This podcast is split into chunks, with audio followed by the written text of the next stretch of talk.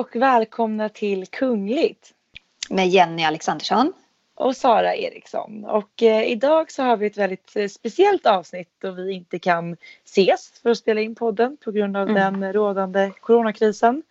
Men eh, vi ska helt enkelt ge oss på ett försök att eh, spela in podd på distans. Så att eh, vi ber lite om ursäkt redan nu för att kvaliteten inte kommer att vara lika hög. Men vi utlovar ju naturligtvis lika bra kungligt snack. Absolut. Och eh, det är ju en väldigt konstig situation nu som vi alla befinner oss i och eh, det är svårt och vi har övervägt om det ens är lämpligt att prata om någonting annat i den här rådande nationella krisen. Men eh, vi har ändå kommit fram till att ett sånt här forum det behövs även i denna tid. Ja men man behöver ju tänka på någonting annat också. Jag tror att varenda en av er lyssnare nu liksom, eh, känner att eh, all information om corona och hur det påverkar oss och vad det gör, det, det, det kan man ju få. Det kan man få ändå. Eh, och vill ni ha en stund och lyssna på något annat, eh, lite kungligt, lite flärd, vi kommer ta upp corona också såklart, men då finns vi här. Ja, och. Eh, jag menar, kungahusen runt om i Europa, de anpassar sig och sina eh, officiella uppgifter också jättemycket. Danska kronprinsessfamiljen de har flyttat hem från Verbier. Drottning Margrethe hon har ställt in sitt stora 80-årskalas i april. Hon har ju hållit också ett eh, tal till folket som var jättefint och jätteuppskattat. Eh, norska kungafamiljen de har ju också ställt in alla uppdrag och dessutom så befinner de sig i karantän därför att eh, kung Harald och Sonja de var ju eh, i Jordanien på statsbesök.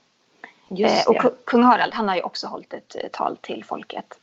Ja, och han var ju faktiskt först ut med att eh, göra det och det var också mm. ett väldigt mycket uppskattat tal och eh, kronprinsessans namnsdagsfirande det ställdes in förra veckan och eh, istället då för den här lilla folkfesten som brukar vara utanför slottet så fick det bli ett litet uppvaktande av eh, representanter ifrån försvarsmakten på Kungliga slottet istället. Och i veckan här så fick vi även en hälsning från prinsparet som la upp en bild på prins Alexander och prins Gabriel när de tvättade händerna och de hälsar via Instagram då att de, de tänker på oss alla i denna speciella tid. Mm. Och jag tänker också på prinsessan eh, Märtha Märta Louise av Norge. Eh, det kom ju en nyhet häromdagen att eh, hon hade ju faktiskt flugit till USA för att träffa sin pojkvän shaman Derek Verrett de har ju varit ett par i, i över ett år. Ehm, de pendlar till varandra. Ehm, innan Norge stängde sina gränser så satte hon sig på ett plan utan bagage. Hon hade barnen med sig, flög över till honom, tillbringade två dygn med honom och satte sig sen på ett plan hem. Och han skrev naturligtvis om detta på sitt Instagramkonto för att han ja, delar alltid med sig. Det var ingen förvånad över. Men, och i vanlig ordning så kom det också enormt mycket kritik. Man tyckte då att Märta Louise borde lyssna på myndigheterna i Norge och politikerna där och verkligen inte hasta iväg utomlands. Men hon och barnen sitter ju i karantän nu i minst två veckor eh, på grund av detta och det var väl priset hon var beredd att betala helt enkelt för det. Ja, nej, men det är som vanligt så får både hon och shamanen utstå väldigt mycket kritik och eh, man kan tänka sig kanske att i den här situationen kanske shamanen borde ha legat lite lågt men han var såklart tvungen att kasta ut det här på sociala ja. medier så att det blev ramaskri vilket inte förvånar ja, men ibland någon känns det Som att, nej, ibland känns det som att han gör det också eh, för att skapa lite dramatik. Eller? Jag tror att han gillar lite det här drama drama. Ja, ja. Och eh, vår kung han tidigare så skrev, lämnade han då en skriftlig hälsning och eh, nu precis innan vi startade den här inspelningen av podcasten så talade faktiskt kungen och det är i samband med den här extrainsatta informationskonseljen på Kungliga slottet. Ja, coronaviruset har försatt vårt land i en ansträngd situation. Många är oroliga för sin hälsa, för eh, sina anhöriga, för sin försörjning. Vi är i ett läge som kräver ansvarstagande för sig själv och andra. Men eh, svåra situationer som den vi nu är i erbjuder också en möjlighet möjlighet att eh, ta fram det bästa hos oss som oss själva, som land och som medmänniskor. Stundtals, stundens allvar ska inte för, förringas. Men eh, det finns också goda skäl att eh, känna hopp och tillförsikt. Den senaste tiden har både det offentliga och det civila Sverige stigit fram. Regeringen har vidtagit ett antal åtgärder. Riksdagen bereder ett antal nya lagar. Anställda och frivilliga arbetar målmedvetet för att eh, begränsa virusets spridning, för att få ut konkret information och för att hjälpa dem som drabbats. Även i näringslivet tas goda initiativ för att eh, stötta och bidra.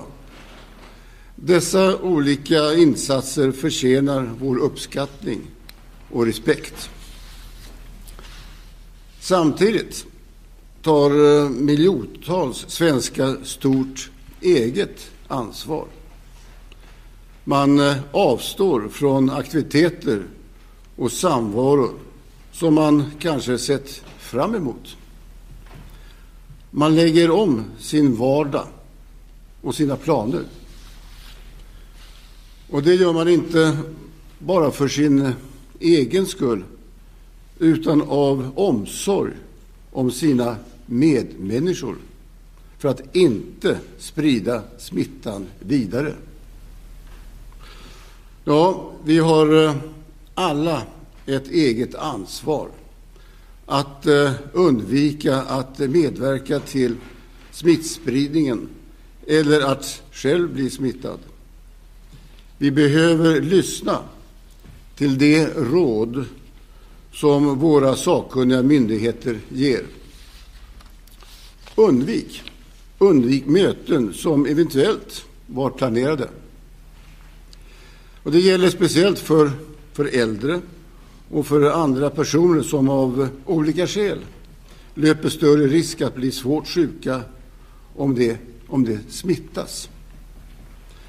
Jag och, och drottningen och vår familj försöker att i så stor utsträckning som möjligt leva efter just de här råden.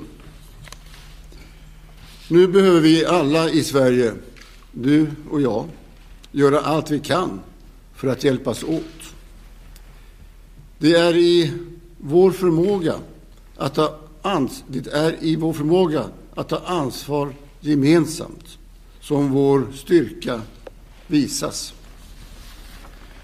Varje gång detta sker, varje gång vi väljer att visa hänsyn och empati så bidrar vi till att eh, upprätthålla det bästa med Sverige för Sveriges väl.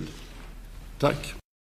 Ja, och vid den här konseljen så var ju inte kronprinsessan närvarande, vilket hon oftast brukar vara. Och eh, statsråden, de var ju placerade på varannan stol just för att föregå med gott exempel och inte sitta för nära varandra i detta, dessa tider. Och det är väl bra att de gör det. Eh, och jag tänkte mycket på, på kungens tal. Det har han antagligen eh, funderat ganska mycket över och kanske tillsammans med eh, talskrivare eller rådgivare, vad vet jag. Men det kändes verkligen som kungens ord. Och han använde vissa nyckelord som kom tillbaka hela tiden. Han började med oro för andra och sig själva, ansvar för andra och sig själva, möjligheter och hopp. Och så återkom då, han då hela tiden till det här med, med ansvar. Och han nämnde ju regeringen, näringslivet och eh, ja, men frivilliga, folk som jobbar liksom mot att minska smittan. Och jag tyckte det var så fint att han tog upp sig själv och eh, sin familj som exempel och sa det, att han försöker leva efter de här råden. Han är ju 70-plussare eh, som så många andra i, i, vårt samhälle som nu har fått egentligen inte order om men eh, fått råd om att man kanske ska stanna hemma, inte träffa barn och barnbarn och så vidare. Eh, det är klart att kungaparet försöker leva efter det också. Ja, men, men det var... Ja, men men eh, jag vet när vi pratade om detta innan Sara, för du nämnde ju också någonting om det här med hänsyn och empati och liksom att han tryckte väldigt mycket på på det där. Ja, men, men verkligen. Jag tycker framförallt att han, att i de här tiderna, det han belyste också, det var mycket här med att vi måste försöka känna ett hopp. Och vi måste också se något, något ljus i det annars blir det en för tuff tid för oss alla. Och jag tyckte bland annat att det var så fint att han han presenterade den här tiden som en möjlighet till att ta fram det bästa hos oss själva. Både som land och som medmänniskor. Och det mm. tycker jag är, det är någonting vi ser nu runt omkring att vad fina människor det finns och vad fina människor det finns i det här landet som vi är omringade med och vad, vad det gör med oss i en sån här kris. Det är faktiskt eh, väldigt, väldigt ja, men viktigt. Verkligen. Och det, och det är också, det är också såna här stunder som kungen kommer riktigt till sin rätt tycker jag. För att vi har ju sett det innan vid tsunamin, eh, ja, men vid stora nationella händelser, att han blir ju lite av den här enande, samlande kraften på något vis. Och det är ju hans uppgift. Det är en av hans viktigaste uppgifter tycker jag. Och han tar det på stort allvar. Och han avslutade ju talet med att säga för Sveriges väl. Och Väldigt menar, fyndigt. Ja, för kungens motto är ju för Sverige i tiden. Men nu yes. talar han om för Sveriges väl. Så det var snyggt avslut och jag tror att varenda retorikprofessor skulle hylla det här talet. Ja men verkligen och som du säger just att när kungafamiljen och kungahuset fyller den här rollen som en enad kraft har vi sett nu både i Sverige, Danmark och Norge och också vad det betyder den här typen av, av tal och vad den faktiskt förmedlar för känsla till folket. Och eh, mm. tyckte det var på tiden att vi fick se våran kung tala. Verkligen. Och glöm inte att följa vår podcast och klicka på knappen prenumerera så att du inte missar något avsnitt. Och eh, Kungligt släpps ju varje fredag och du hittar podden där poddar finns. Men nu så lämnar vi coronasnacket för en stund och fokuserar istället på dagens huvudämnen. Och eh, idag så ska vi prata om prinsessan Haya och hennes flykt från eh, sin make emiren av Dubai det finns nu en lång rad detaljer om förtrycket och livet före flykten som har avslöjats i domstolen. Och vi ska även prata om Harry och Meghan och vad som händer nu när de har genomfört sitt allra sista uppdrag som kungliga. Ja, det blir ett jättespännande avsnitt och vi ska inte göra det för rörigt kring den här historien med prinsessan Haya utan vi börjar med att reda ut vem hon är. För prinsessan Haya, hon är 45 år gammal, hon kommer från Jordanien. Hon är dotter dotter till kung Hussein och det var ju Jordaniens förra kung. Och hon är också halvsyster till den nuvarande kungen. Och Haya hon har varit eh, högprofilerad inom ridsport. Hon har tidigare varit eh, ordförande i internationella ridsportförbundet och även OS-ryttare. Och många känner säkert igen henne. Hon har, ju, hon har liksom synts på bilder mest hela tiden när det handlar om eh, ridsport. Och hon träffade faktiskt sin make på en hästtävling i Spanien. De gifte sig 10 april 2004. Och det här var inte ett arrangerat äktenskap, det händer ju ändå då eh, i Dubai. Men enligt de här domstolsdokumenten då som, som vi har läst så står det faktiskt att eh, det var inte arrangerat, de gifte sig av kärlek. Och emiren då av Dubai, han heter Sheikh Mohammed bin Rashid Al Maktoum och han är 72 år gammal. Och Haja är då hans sjätte fru. Eh, och oj, han är oj. även då, ja alltså det eh, han har sex fruar och han har 25 barn. Så det är en stor kunglig familj helt enkelt. Ja, minst sagt. Och han, ja, minst sagt. Och han, han är också då en av världens rikaste män. Han är god för ungefär 40 miljarder kronor. Och tillsammans då med prinsessan Haja så har han barnen Jalila som är 12 år och Sayed som är 7. Och eh, alltså man har ju inte fått veta så mycket om den här kungliga familjen tidigare utan de har ju levt sitt liv ganska eh, privat och det är så de har velat hålla det. Men nu så har det ju då kommit fram oerhört eh, mycket detaljer kring deras äktenskap. Ja, och framförallt också att det inte har stått rätt till överhuvudtaget inom familjen. För det här mm. var ju faktiskt någonting som startade redan år 2000. Eh, det var då hans dotter Shamsa som då han har med en annan tidigare fru. Eller kanske hans nuvarande fru säger man med tanke på att det är sju stycken.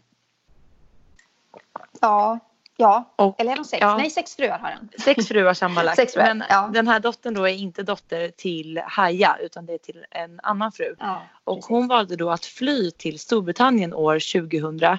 Och det här var då tre år innan prinsessan Haja gifte sig med emiren. Eh, Shamsa kidnappades då av sin fars agenter när hon försökte fly eh, från familjens egendom i England.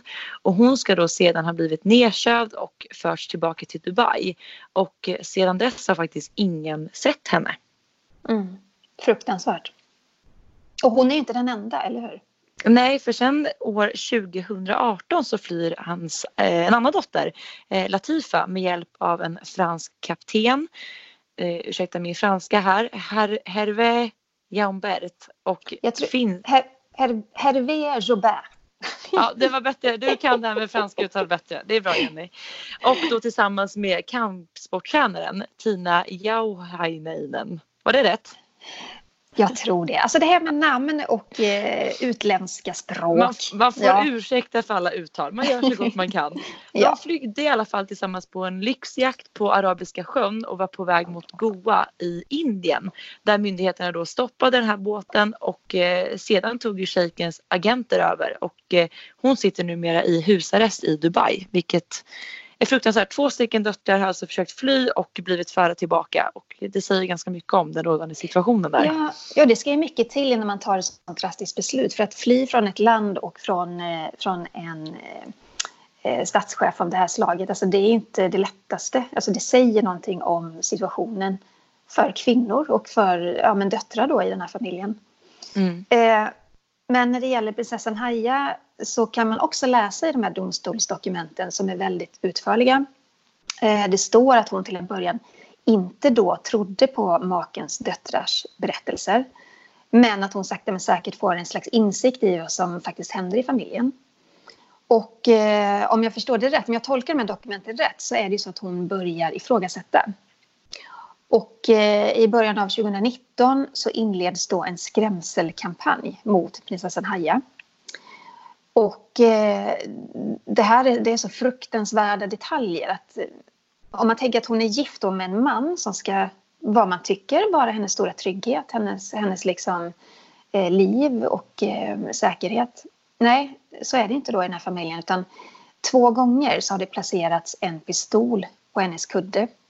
Och bara den här känslan av att, gå in i sitt sovrum och se att det ligger liksom en, en laddad pistol på, på kudden. Jag kan inte ens tänka mig hur, hur det känns. Och vid ett annat tillfälle då så, så landar också en helikopter utanför prinsessan Hayas palats. Och eh, de här människorna som kliver ur eh, helikoptern då hotar med att hon ska föras bort och spärras in i ett eh, fängelse. Och det här och det, detaljer då som har framkommit i de här domstolsdokumenten ja, nu? Det är ingenting ja, man har vetat om tidigare? Nej, det här, det här är helt nytt och det har man inte känt till. För, för grejen är också att de här dokumenten de grundar sig på flera möten med prinsessan Haya. Eh, och hon har ju då berättat sin historia och det ska vi också vara noga med att säga att eh, de här dokumenten baseras väldigt mycket på hennes historia. Och vi kommer berätta sen varför emiren inte hörs lika tydligt i de här dokumenten. Mm. Men eh, prinsessan Haya blev fruktansvärt livrädd när den här helikoptern då landade. Eh, hon, hon, säger i de här dokumenten att eh, Eh, hon aldrig varit så rädd i hela sitt liv och en av då orsakerna till att de inte tog med sig henne och förde bort henne det var att hennes lille son då eh, Sayed håller fast i henne vid hennes ben. Och jag tror att situationen blir så ohållbar att eh, de drar, alltså männen då med helikoptern, de drar till slut. Mm. Men eh, det här får ju henne att verkligen i chock tänka till. Och eh, den 15 april 2019 så flyr hon till London med barnen. Och en annan orsak till det, och det, det står inte riktigt helt klart i dokumenten eh, vad, vad, som är... Alltså jag tror inte hon har medgivit någonting här men eh, i dokumentet står det också att det påstås att hon har inlett att det är rykten då som kommer i sving kring en kärleksaffär med, med hennes livvakt och att emiren har fått reda på det. Eh, hon har också fått med sig 300 miljoner kronor till London Eh, det står klart och tydligt i dokumenten att hon bor i South Kensington där de har en, jag vet inte om hon har en eller om familjen har en fastighet där. Men det är en ganska exklusiv stadsdel och det här huset sägs då vara värt drygt en miljard kronor. Oj. Och det, mm. Så det är ju det är så att det är, ingen så fattig människa som på något vis har flytt i misär till London utan hon, eh, hon har som klarar sig kan man säga.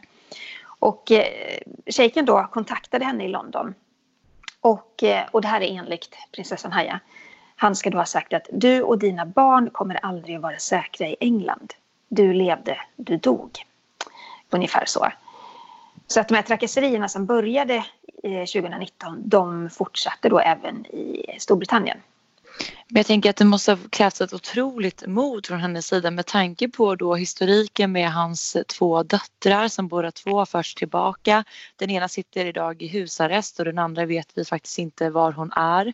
Att hon mm. ändå vågar ta med sig barnen och fly på det här sättet. Det måste krävas ett enormt mod. Ja, och det, det gör det ju. Jag undrar också om hon inte... Hon har väl också någon slags säkerhet i att hon är prinsessa även av Jordanien. Att hon har mäktiga släktingar i Jordanien. Hennes mm. halvbror är ju kung av Jordanien. Det och att det på något sätt ska kunna skydda henne kanske lite mer. För att eh, sedan var det dags då den 14 maj så krävde ju emiren rätten till att barnen ska föras tillbaka till Dubai. Mm. Eh, och Haya hon, eh, hon har ju vägrat det här såklart, vilket man mm. förstår. Hon vill inte lämna sina barn, att de ska behöva föra tillbaka till den här eh, miljön och eh, under tiden så har hon också fått ett jobb som eh, diplomat på Jordanien, Jordaniens ambassad. Och eh, på så sätt så får hon också diplomatisk immunitet. Och det mm. måste ju vara en ytterligare kraft i att hon inte ska kunna bli förd tillbaka. Så hon har ju verkligen gjort det här i smarta och genomtänkta steg. Verkligen. Verkligen. Och eh, då pratas det också om att det här kanske är ett sätt då för hennes bror i Jordanien att hjälpa henne. Just genom att ha hjälpt henne med det här jobbet som Jordaniens ambassad. Det tror jag. Det tror jag absolut. Mm. Och eh, den 16 juni sedan då, då avsäger hon sig immuniteten med respekt för förhandlingarna i domstolen. Men säger även att det handlar om eh, en extrem press hon har fått utstå från emiren. Och Eh, hon ansöker samtidigt om ett annat slags skydd som ska skydda dottern eh, Jalila från tvångsgifte och sig själv från misshandel. Och eh, domstolen vill då att barnen ska få träffa sin pappa men det går inte att hitta en lösning som både Haja och emiren kan acceptera. Det är många som har trott att det här handlar om en skilsmässa mellan emiren och prinsessan Haya. Men det gör det inte, för att den 7 februari förra året så skilde sig emiren ifrån henne i Dubai. Och han har ju tidigare straffat henne också med att offentligt gå ut och säga att eh, prinsessan Haya har inte längre ett kontor vid palatset. Och det står också i de här domstolsdokumenten att det var en fruktansvärd förnedring. Det är ju en sån degradering av hennes kungliga status. Så det här handlar inte om en skilsmässa utan om en vårdnadstvist helt enkelt. Men det är klart att det finns en rädsla för att barnen ska föras ut ur Storbritannien såklart. Ja, det får man ju förstå. Ja, och jag tror att det är det som är hennes största prioritet nu såklart. Att se till att säkra att barnen kan vara med henne.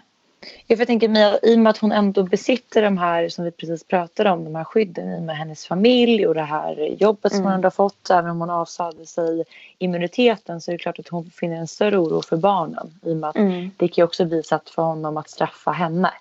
Ja, precis. Om de förs tillbaka. Ja, och sen är det ju lite så speciellt för att eh, Hayas make då, emiren av Dubai, Mohammed bin Rashid Al Maktoum, han har ju inte, han har inte dykt upp i rättssalen. Och där handlar det om att han är statschef. Han har eh, åtalsimmunitet, så det blir ju lite krångligt, eh, hela den här processen. Men mm. han hade ju sina representanter där. Och eh, det är här man har pratat om att det här kan bli världens dyraste vårdnadstvist. eh, oh. Tänk er att den här emiren är ju han är ju en av världens rikaste män och mäktigaste män. Och han har då anlitat Lady Helen Ward. Och hon, den här advokaten, representerade Guy Ritchie i skilsmässan från Madonna. Och prinsessan Haya hon har i sin tur anlitat Fiona Shackleton som förde prins Charles talan vid skilsmässan från eh, prinsessan Diana 1996. Så det här är ju det är enormt mäktiga människor som nu liksom ska göra upp om eh, vårdnaden om de här två barnen helt enkelt. Mm. Och Haja hon vittnade ju då i rätten mot sin make och eh, hon hade ju även vittnen som kunde styrka att hon har utsatts för hot och trakasserier och eh, det finns även dokument och andra bevis som stödjer det här. Och eh, ja, som du säger, det här lär ju bli en av de den största och dyraste kungliga skilsmässorna någonsin. Ja, eller vårdnadstvisten. Vårdnadstvist, ja. Och det är ja. intressant att det är just också samma representant som förde prins Charles talan eh, ja. vid skilsmässan med Diana. Och Sara, visst är det så? För att både emiren av Dubai och prinsessan Haya är väl goda vänner med brittiska kungafamiljen? Ja, men det är ju det som, som stämmer och det är väl också det man har diskuterat om huruvida de då ska, om hon har fått hjälp från det brittiska hovet eller inte. Och det här är ju ingenting som man talar om på något sätt. I och med mm. att det kan handla mycket då om politik samtidigt. Eh, och det där är ju väldigt, väldigt känsligt.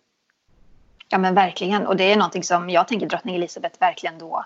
Hon kan ju inte välja sida. Eller hon kan ju liksom inte öppet ställa sig på någons sida såklart. Nej, och det, eh. för det har vi sett rent historiskt sett att eh, det är farligt för andra länder att beblanda sig i den här typen av situationer. Eh, mm. Även om historien, det är såklart att det sett annorlunda ut men man tänker sig då ryska tsarfamiljen och den brittiska kungafamiljen. Där ja. var det liksom politiken som fick styra snarare då känslorna att George V, alltså drottning Elizabeth av Englands pappa, då inte kunde hjälpa sin kusin som var Rysslands sista tsar, eh, Nikolaj mm. den andre från att dödas. Just för att det är klart att han ville hjälpa honom och ta dem in till Storbritannien men av politiska skäl så kunde han inte ta det beslutet. Och nu är inte det här samma sak men det är just därför som kungligheterna inte vill beblanda sig i den här typen av tvister just för att det kan bli och få en politisk aspekt. Och det, det får man ju ha full förståelse för. Men jag tänker, alltså när jag satt och läste de här domstolspapperna så reste sig håret på mina armar. För att det är, alltså det är en unik inblick i en väldigt stängd familj. Och mm. att det är så, eh, att det är så liksom graverande saker som prinsessan Haya då påstår att emiren håller på med. Mm. Eh, Millions of people have lost weight with personalized plans from Noom. Like Evan, who can't stand salads and still lost 50 pounds. Salads generally for most people are the easy button, right? For me, that wasn't an option. I never really was a salad guy. That's just not who I am. But Noom worked for me. Get your personalized plan today at Noom.com. Real Noom user compensated to provide their story. In four weeks, the typical Noom user can expect to lose one to two pounds per week. Individual results may vary. Och det är många så turer fram och tillbaka. Eh, det står också att han vid ett tillfälle då i oktober 2019 så går han med på att barnen ska få stanna i Storbritannien och bo med sin mamma. Men, men att det här verkar, om jag förstår det rätt, tagits tillbaka på något vis. Alltså det går mycket fram och tillbaka hela tiden. Och eh, det är också svårt då för rätten i och med att emiren finns inte på plats för att höras. Han, eh, I och med att han har den här ställningen då som, som statschef. Men det, det är fascinerande och skrämmande läsning. Och eh, vill man läsa i detalj kring detta så kan man hitta de här domstolsdokumenten på nätet. Det är bara att söka på eh, Princess Haya och eh, The Emir of Dubai. Ja, och det här är någonting som vi nu får, vi får helt enkelt följa den här utvecklingen som vi har gjort nu de senaste åren och se vad det landar i. Ja men verkligen, för det, det, här tar ju inte slut än, det är någonting som pågår men eh, det, det, kommer bli utdraget, eh, det kommer bli tufft för prinsessan Haya tror jag men man kan ju bara hoppas i att det landar i att man ser till barnens, barnens liksom rätt till sin mamma. För de har ju bott hos henne. Emiren mm. har ju haft andra fruar som han, som han liksom tillbringat tid med också. Eh, kanske inte tillbringat jättemycket, lika mycket tid då med, med de här barnen. De behöver ju vara hos sin, sin mamma, tänker jag. Ja, och sen också trygga barnens eh, framtid och uppväxt med tanke på att han har två andra barn som har försökt fly från honom just på grund mm. av hur de har blivit behandlade där. Ja, och så vidare. Precis. Så att eh, fortsättning följer. Det är eh, väldigt skrämmande men samtidigt spännande att följa den här utvecklingen och se var det landar i såklart. Mm.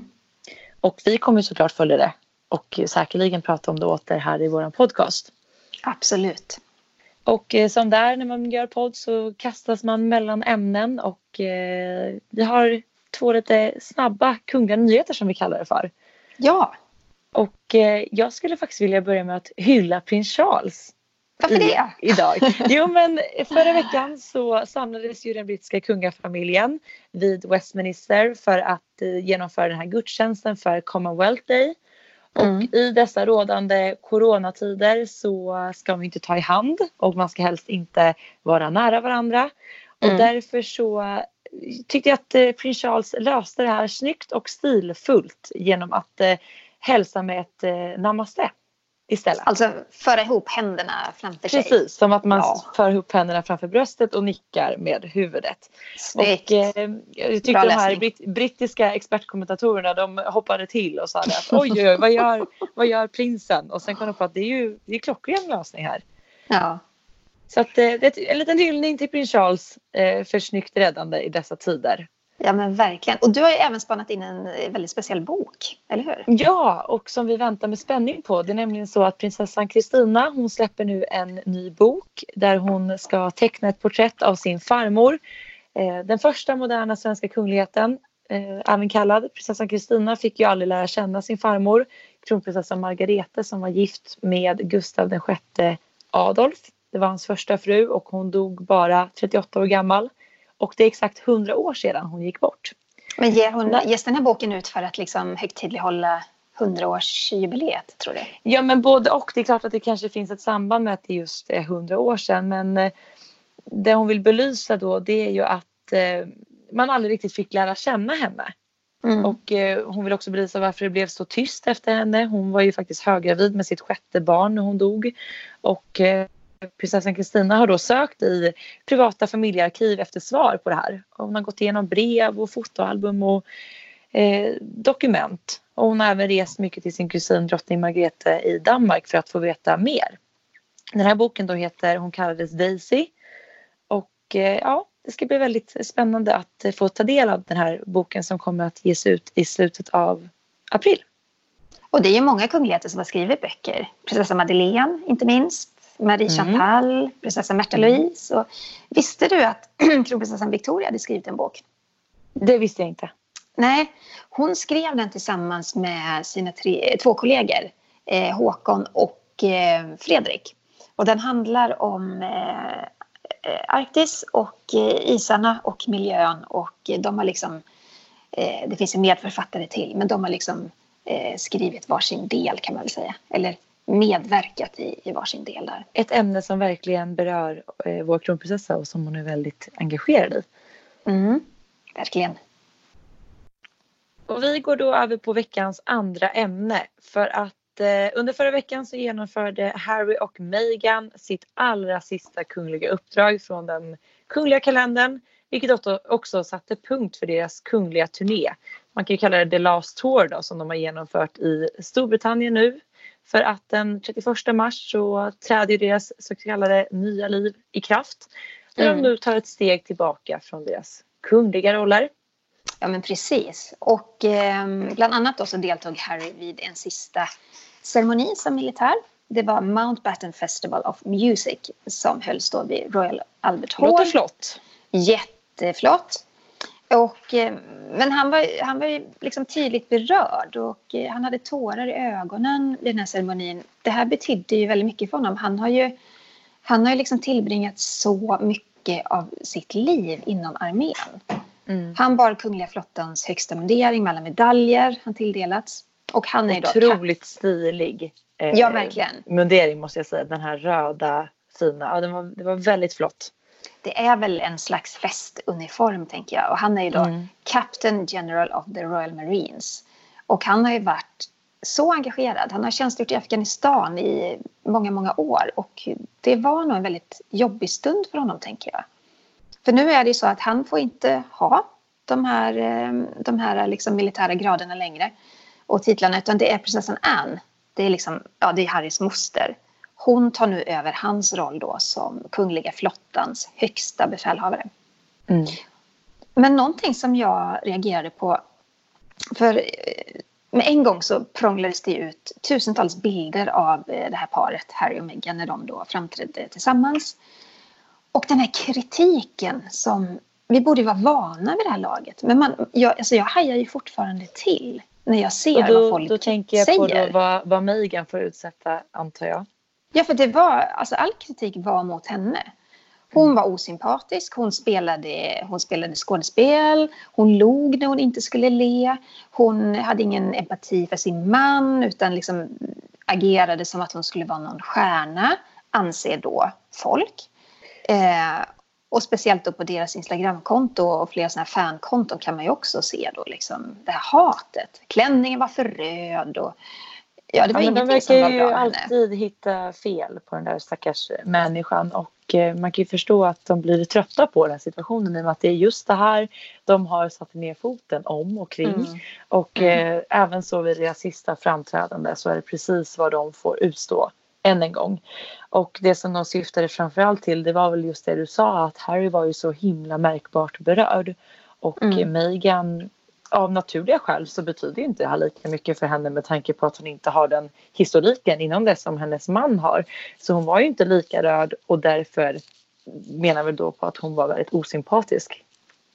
Ja, och jag menar man får väl ha någon slags förståelse för att hon inte heller har den här riktiga förståelsen för britternas känsla för sitt kungahus.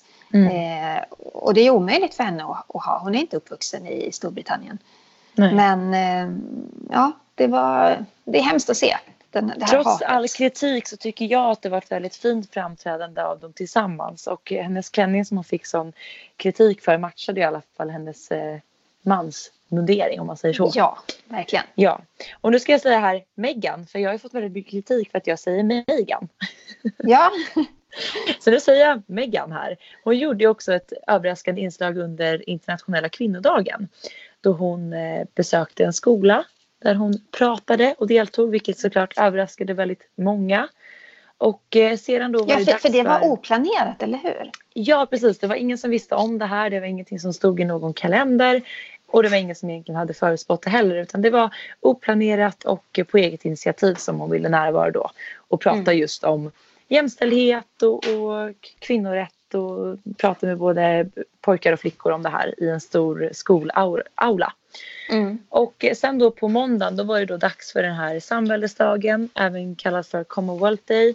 Och det var ju då hela världens blickar var ju riktade mot det här för det var ju faktiskt det sista uppdraget, det sista som drottning Elizabeth kunde kräva av paret och det sista som stod i den kungliga kalendern. Mm. Och eh, det är klart att det här var spännande. Det var en, en väldigt speciell situation i och med att något sånt här, den här typen av situation har vi inte sett tidigare och man visste just att det här är sista gången vi ser dem på det här sättet och eh, paret de anlände ju då tillsammans strax efter drottning Elizabeths yngste son Edward av Wessex och hans fru Sofie. Och eh, Meghan hon var ju helt klädd i grönt från topp till tå och eh, såg inte särskilt bekymrad ut över situationen. Medan jag ändå tyckte att man såg från det att Harry klev ur bilen så såg man att han var besvärad med ett väldigt tydligt kroppsspråk. Ja, han, man kunde se hela hans ansikte att han var väldigt, väldigt berörd av det här och han liksom nästan hukade sig bort från fotograferna och ville på något vis snabbt in helt enkelt.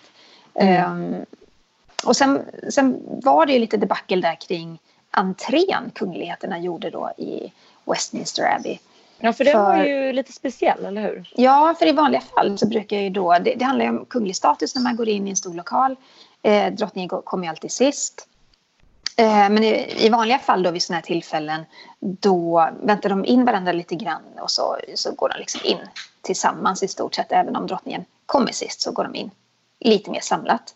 Men i mm. år gick, gick alla separat. Eh, förutom drottningens äldsta son prins Charles och hans fru Camilla. Och det här berodde ju på eh, Alltså jag tror att man kanske ville lite ta udden av det här superfokuset som är på Harry och Meghan.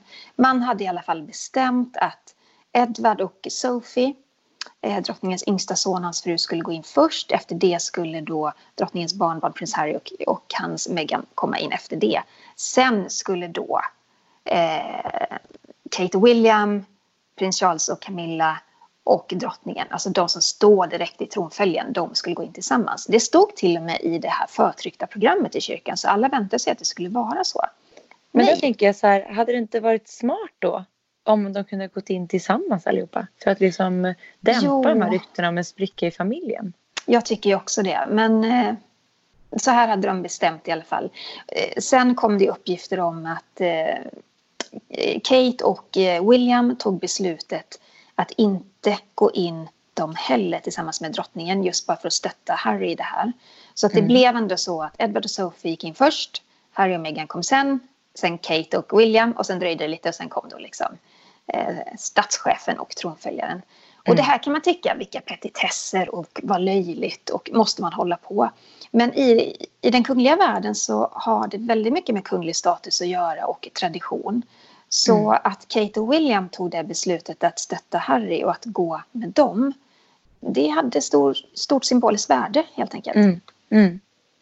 Men frågan är om, eh, ja, det vart ju dock ännu mer så här utmålat att det skulle vara en spricka mellan dem för att när, de, när då Kate och William anlände till sina platser så var ju både Harry och Meghan redan på plats och där kunde man ändå se att det var, det var inte jättelättsamt mellan dem även om det är klart att man inte kan flamsa och tramsa i den här miljön. Det var, var det ändå ganska, Exakt. Mm. Stelt. Mm. Det var det. Väldigt stelt. Mm. Och det såg man ju att eh, Kate och William hälsade varmt och vänligt på Edward och Sophie. Och eh, man såg också att Meghan hon så här, två gånger försökte fånga Williams uppmärksamhet med en liten osäker vink och mm. ett leende. Men att det var bara ganska stelt bemötande. Kort hej tillbaka. Ja. Där ja. Och där har ju brittiska tabloider, de slår ju rekord i, i rubriker. Ja, en av dem hade anlitat en läppläsare och den läppläsaren säger då att alltså, Harry, när, när, ja, när, när, William och Kate inte brydde sig om eh, Meghan och Harry så mycket så hade Harry vänt sig till Meghan och sagt så här, eh, nu kan jag inte ordagrant men ungefär så här att jaha, de sa bara hej och, och sen var det inget mer, typ någonting sånt. Så. Det är också intressant med brittiska tabloider i och med att de verkar kunna få fram exakt vad de letar efter i alla lägen också. Hela tiden, ja yes. så är det. Och i samband med den här samväldesdagen då så skrev ju likt alla andra år eh, skriver drottning Elisabeth ett öppet brev. Och i år så skrev hon ju faktiskt några så här ut, några ord som ändå kan tolkas som en liten pik till Harry och Meghan. Hon pratar mycket om det här med worldwide family mm. och hon trycker mycket på det här med traditioner som gör oss starkare och att familjen börjar hålla ihop och så vidare och så vidare. Och mm. eh, även det här var vi än lever så ska vi ändå hålla samman och så. Och det där har man ju också lyckats då få till att det är vissa kängor ut mot paret som nu ändå eh, deltog vid den här dagen men sen kommer välja att dra sig tillbaka. Och det, och det är väl jättelätt att göra den tolkningen men hon pratar liksom om ett samvälde med 53 länder. Precis. Så jag Exakt. menar, man kan ju tolka vad man vill i det där. Men det vissa tabloider då tyckte att det här pekade mot eh, Harry och Meghan.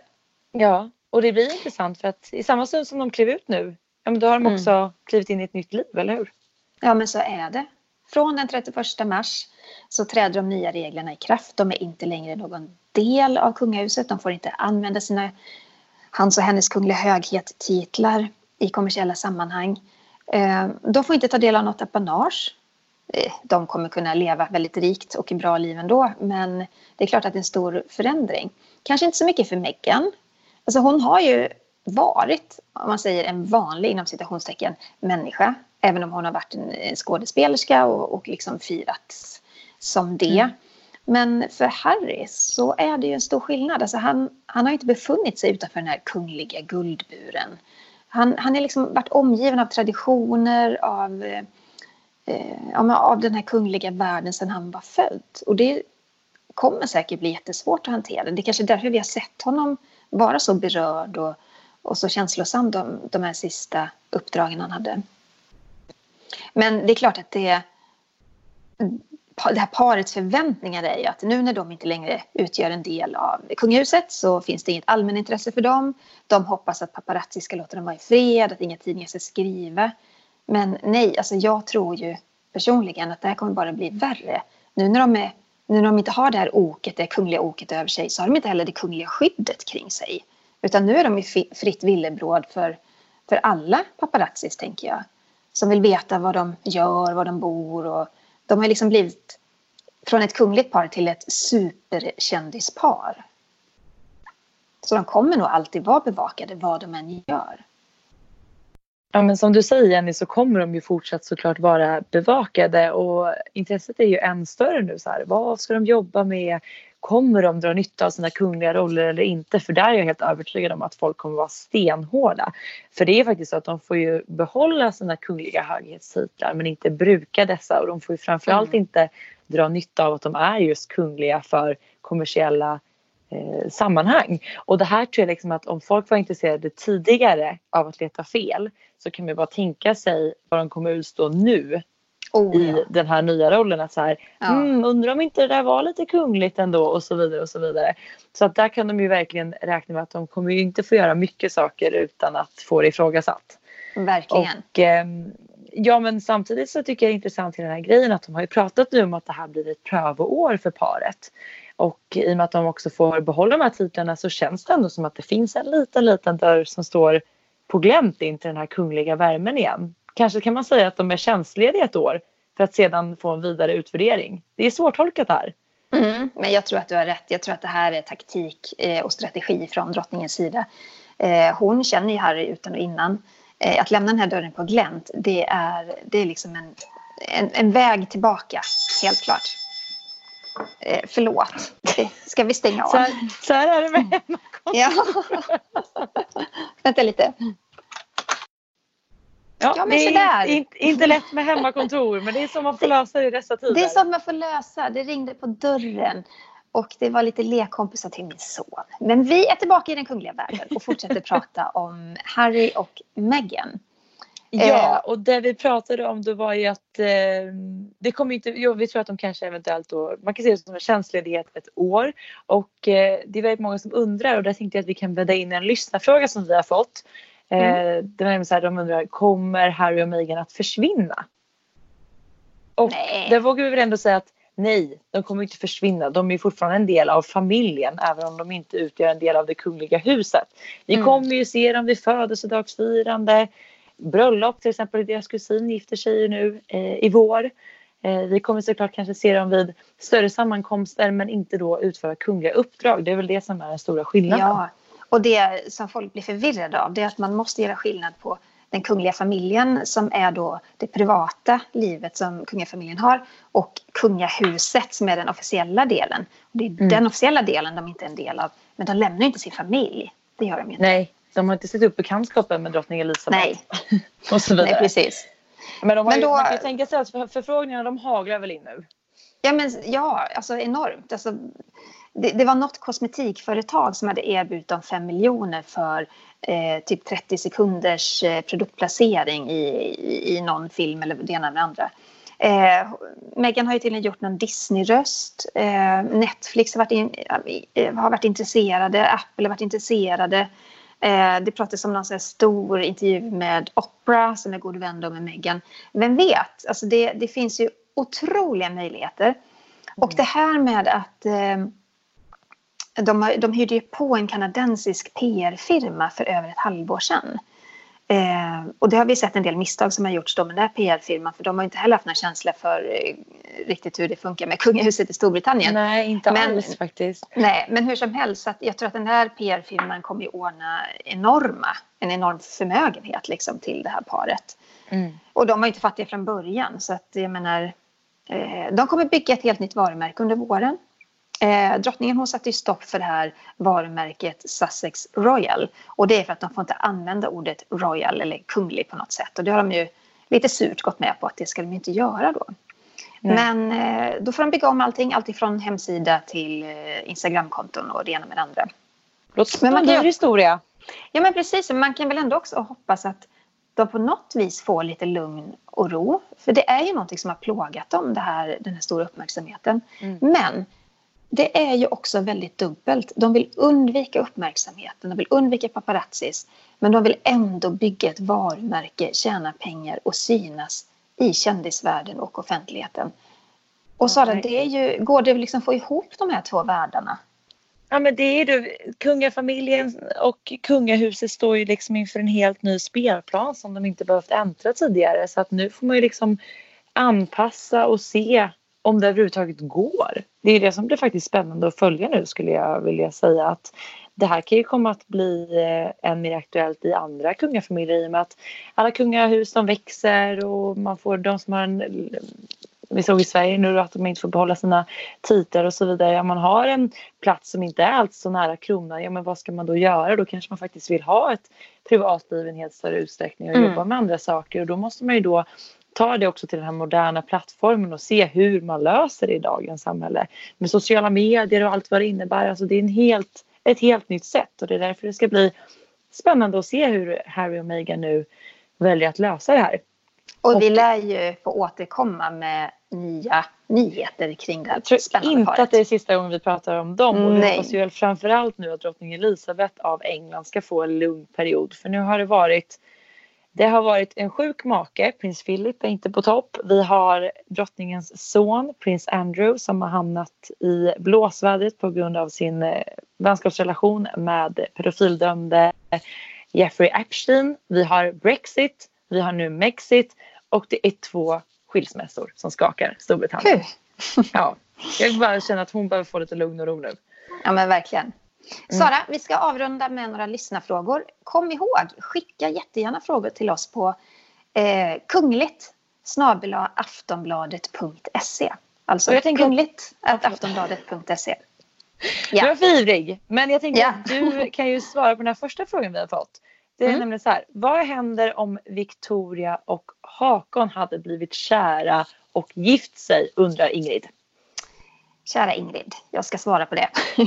Om Victoria och Håkon hade gift sig, eh, då hade det definitivt krävts något slags specialtillstånd. Eh, För enligt successionsordningen så får ju inte kronprinsessan gifta sig och inte någon annan i familjen heller gifta sig med en annan blivande statschef eller statschef eh, utan att det görs någon slags utredning där.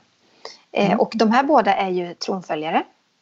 De ska ta över kronan i respektive land. Så där tror jag att det hade blivit komplicerat faktiskt. Tur att Nästa det inte fråga. så. Ja, tur. Eh, ja, de är fina båda två. Ja. Eh, nästa fråga kommer från Maria. Eh, kommer Meghan att få behålla diademet som hon bar när hon gifte sig med Harry? Mm, nej, det kommer hon inte att få göra utan det här vackra diademet som hon bar vid bröllopet, Queen Marys bandeau tiara, det fick hon faktiskt låna av drottning Elizabeth. Däremot så får hon ju faktiskt behålla de här fina smyckena efter Diana som hon fått av Harry. Mm. För Så de har Harry ärvt personligen av sin mamma, Ja, eller hur? precis. De har ärvt av sin mor och sen vidare gett dem till sin käraste. Men det här diademet då, det var bara ett lån ur den kungliga skattkistan inför bröllopet. Så det är ingenting Mm. som hon fick i samband med bröllopsdagen eller så. Okej. Och eh, vi har en till fråga här eh, som då berör det här Commonwealth Day. Eh, frågan är så här. Sophie av Wessex bar sin handväska i vänster hand. Diana blev tillrättavisad vid första framträdandet med Charles då hon också bar den i vänster hand. Drottning Elisabeth bär alltid väskan i höger hand. Då undrar hon här, bröt Sophie mot en kunglig etikett eller vad gäller? Eh, idag, 2020, så nej, det är inte en kotte som bryr sig om i vilken hand hon bär sin handväska. Eh, det kan ju också vara ett knep för drottning Elisabeth att om hon bär den i höger hand då är det ingen som kan sträcka fram sin höger hand och spontanhälsa på henne. För sånt händer ju när hon träffar Just folk. Eh, och då är hennes högra hand upptagen helt enkelt. Så det är ett, ett bra knep att göra det. Eh, att bära i vänster hand, ja då är man ju helt öppen för att eh, gå runt och hälsa på folk helt enkelt. Men nej, Sophie bröt inte mot någon kunglig etikett. Det skulle jag inte vilja påstå. Inte idag, 2020. Bra, då har vi rätt ut det och som sagt skicka gärna in lyssnarfrågor till oss och glöm heller inte att prenumerera på vår podcast. Kungligt det gör du genom att trycka på prenumerera-knappen. Och eh, glöm inte att följa oss på sociala medier. Jag finns på Instagram, kungligt med Jenny. Och där finns också jag på royalistan.se och där uppdaterar vi dagligen kungliga nyheter. Och fram tills nästa vecka så önskar vi er en jättefin vecka. Eh, håll avstånd, hälsa inte på varandra, tvätta händerna, ta hand om varandra. Och så Ja. önskar vi er en riktigt fin helg också. Ta verkligen hand om varandra nu och tills dess, tills vi hörs nästa gång får ni ha det så bra. Hej då!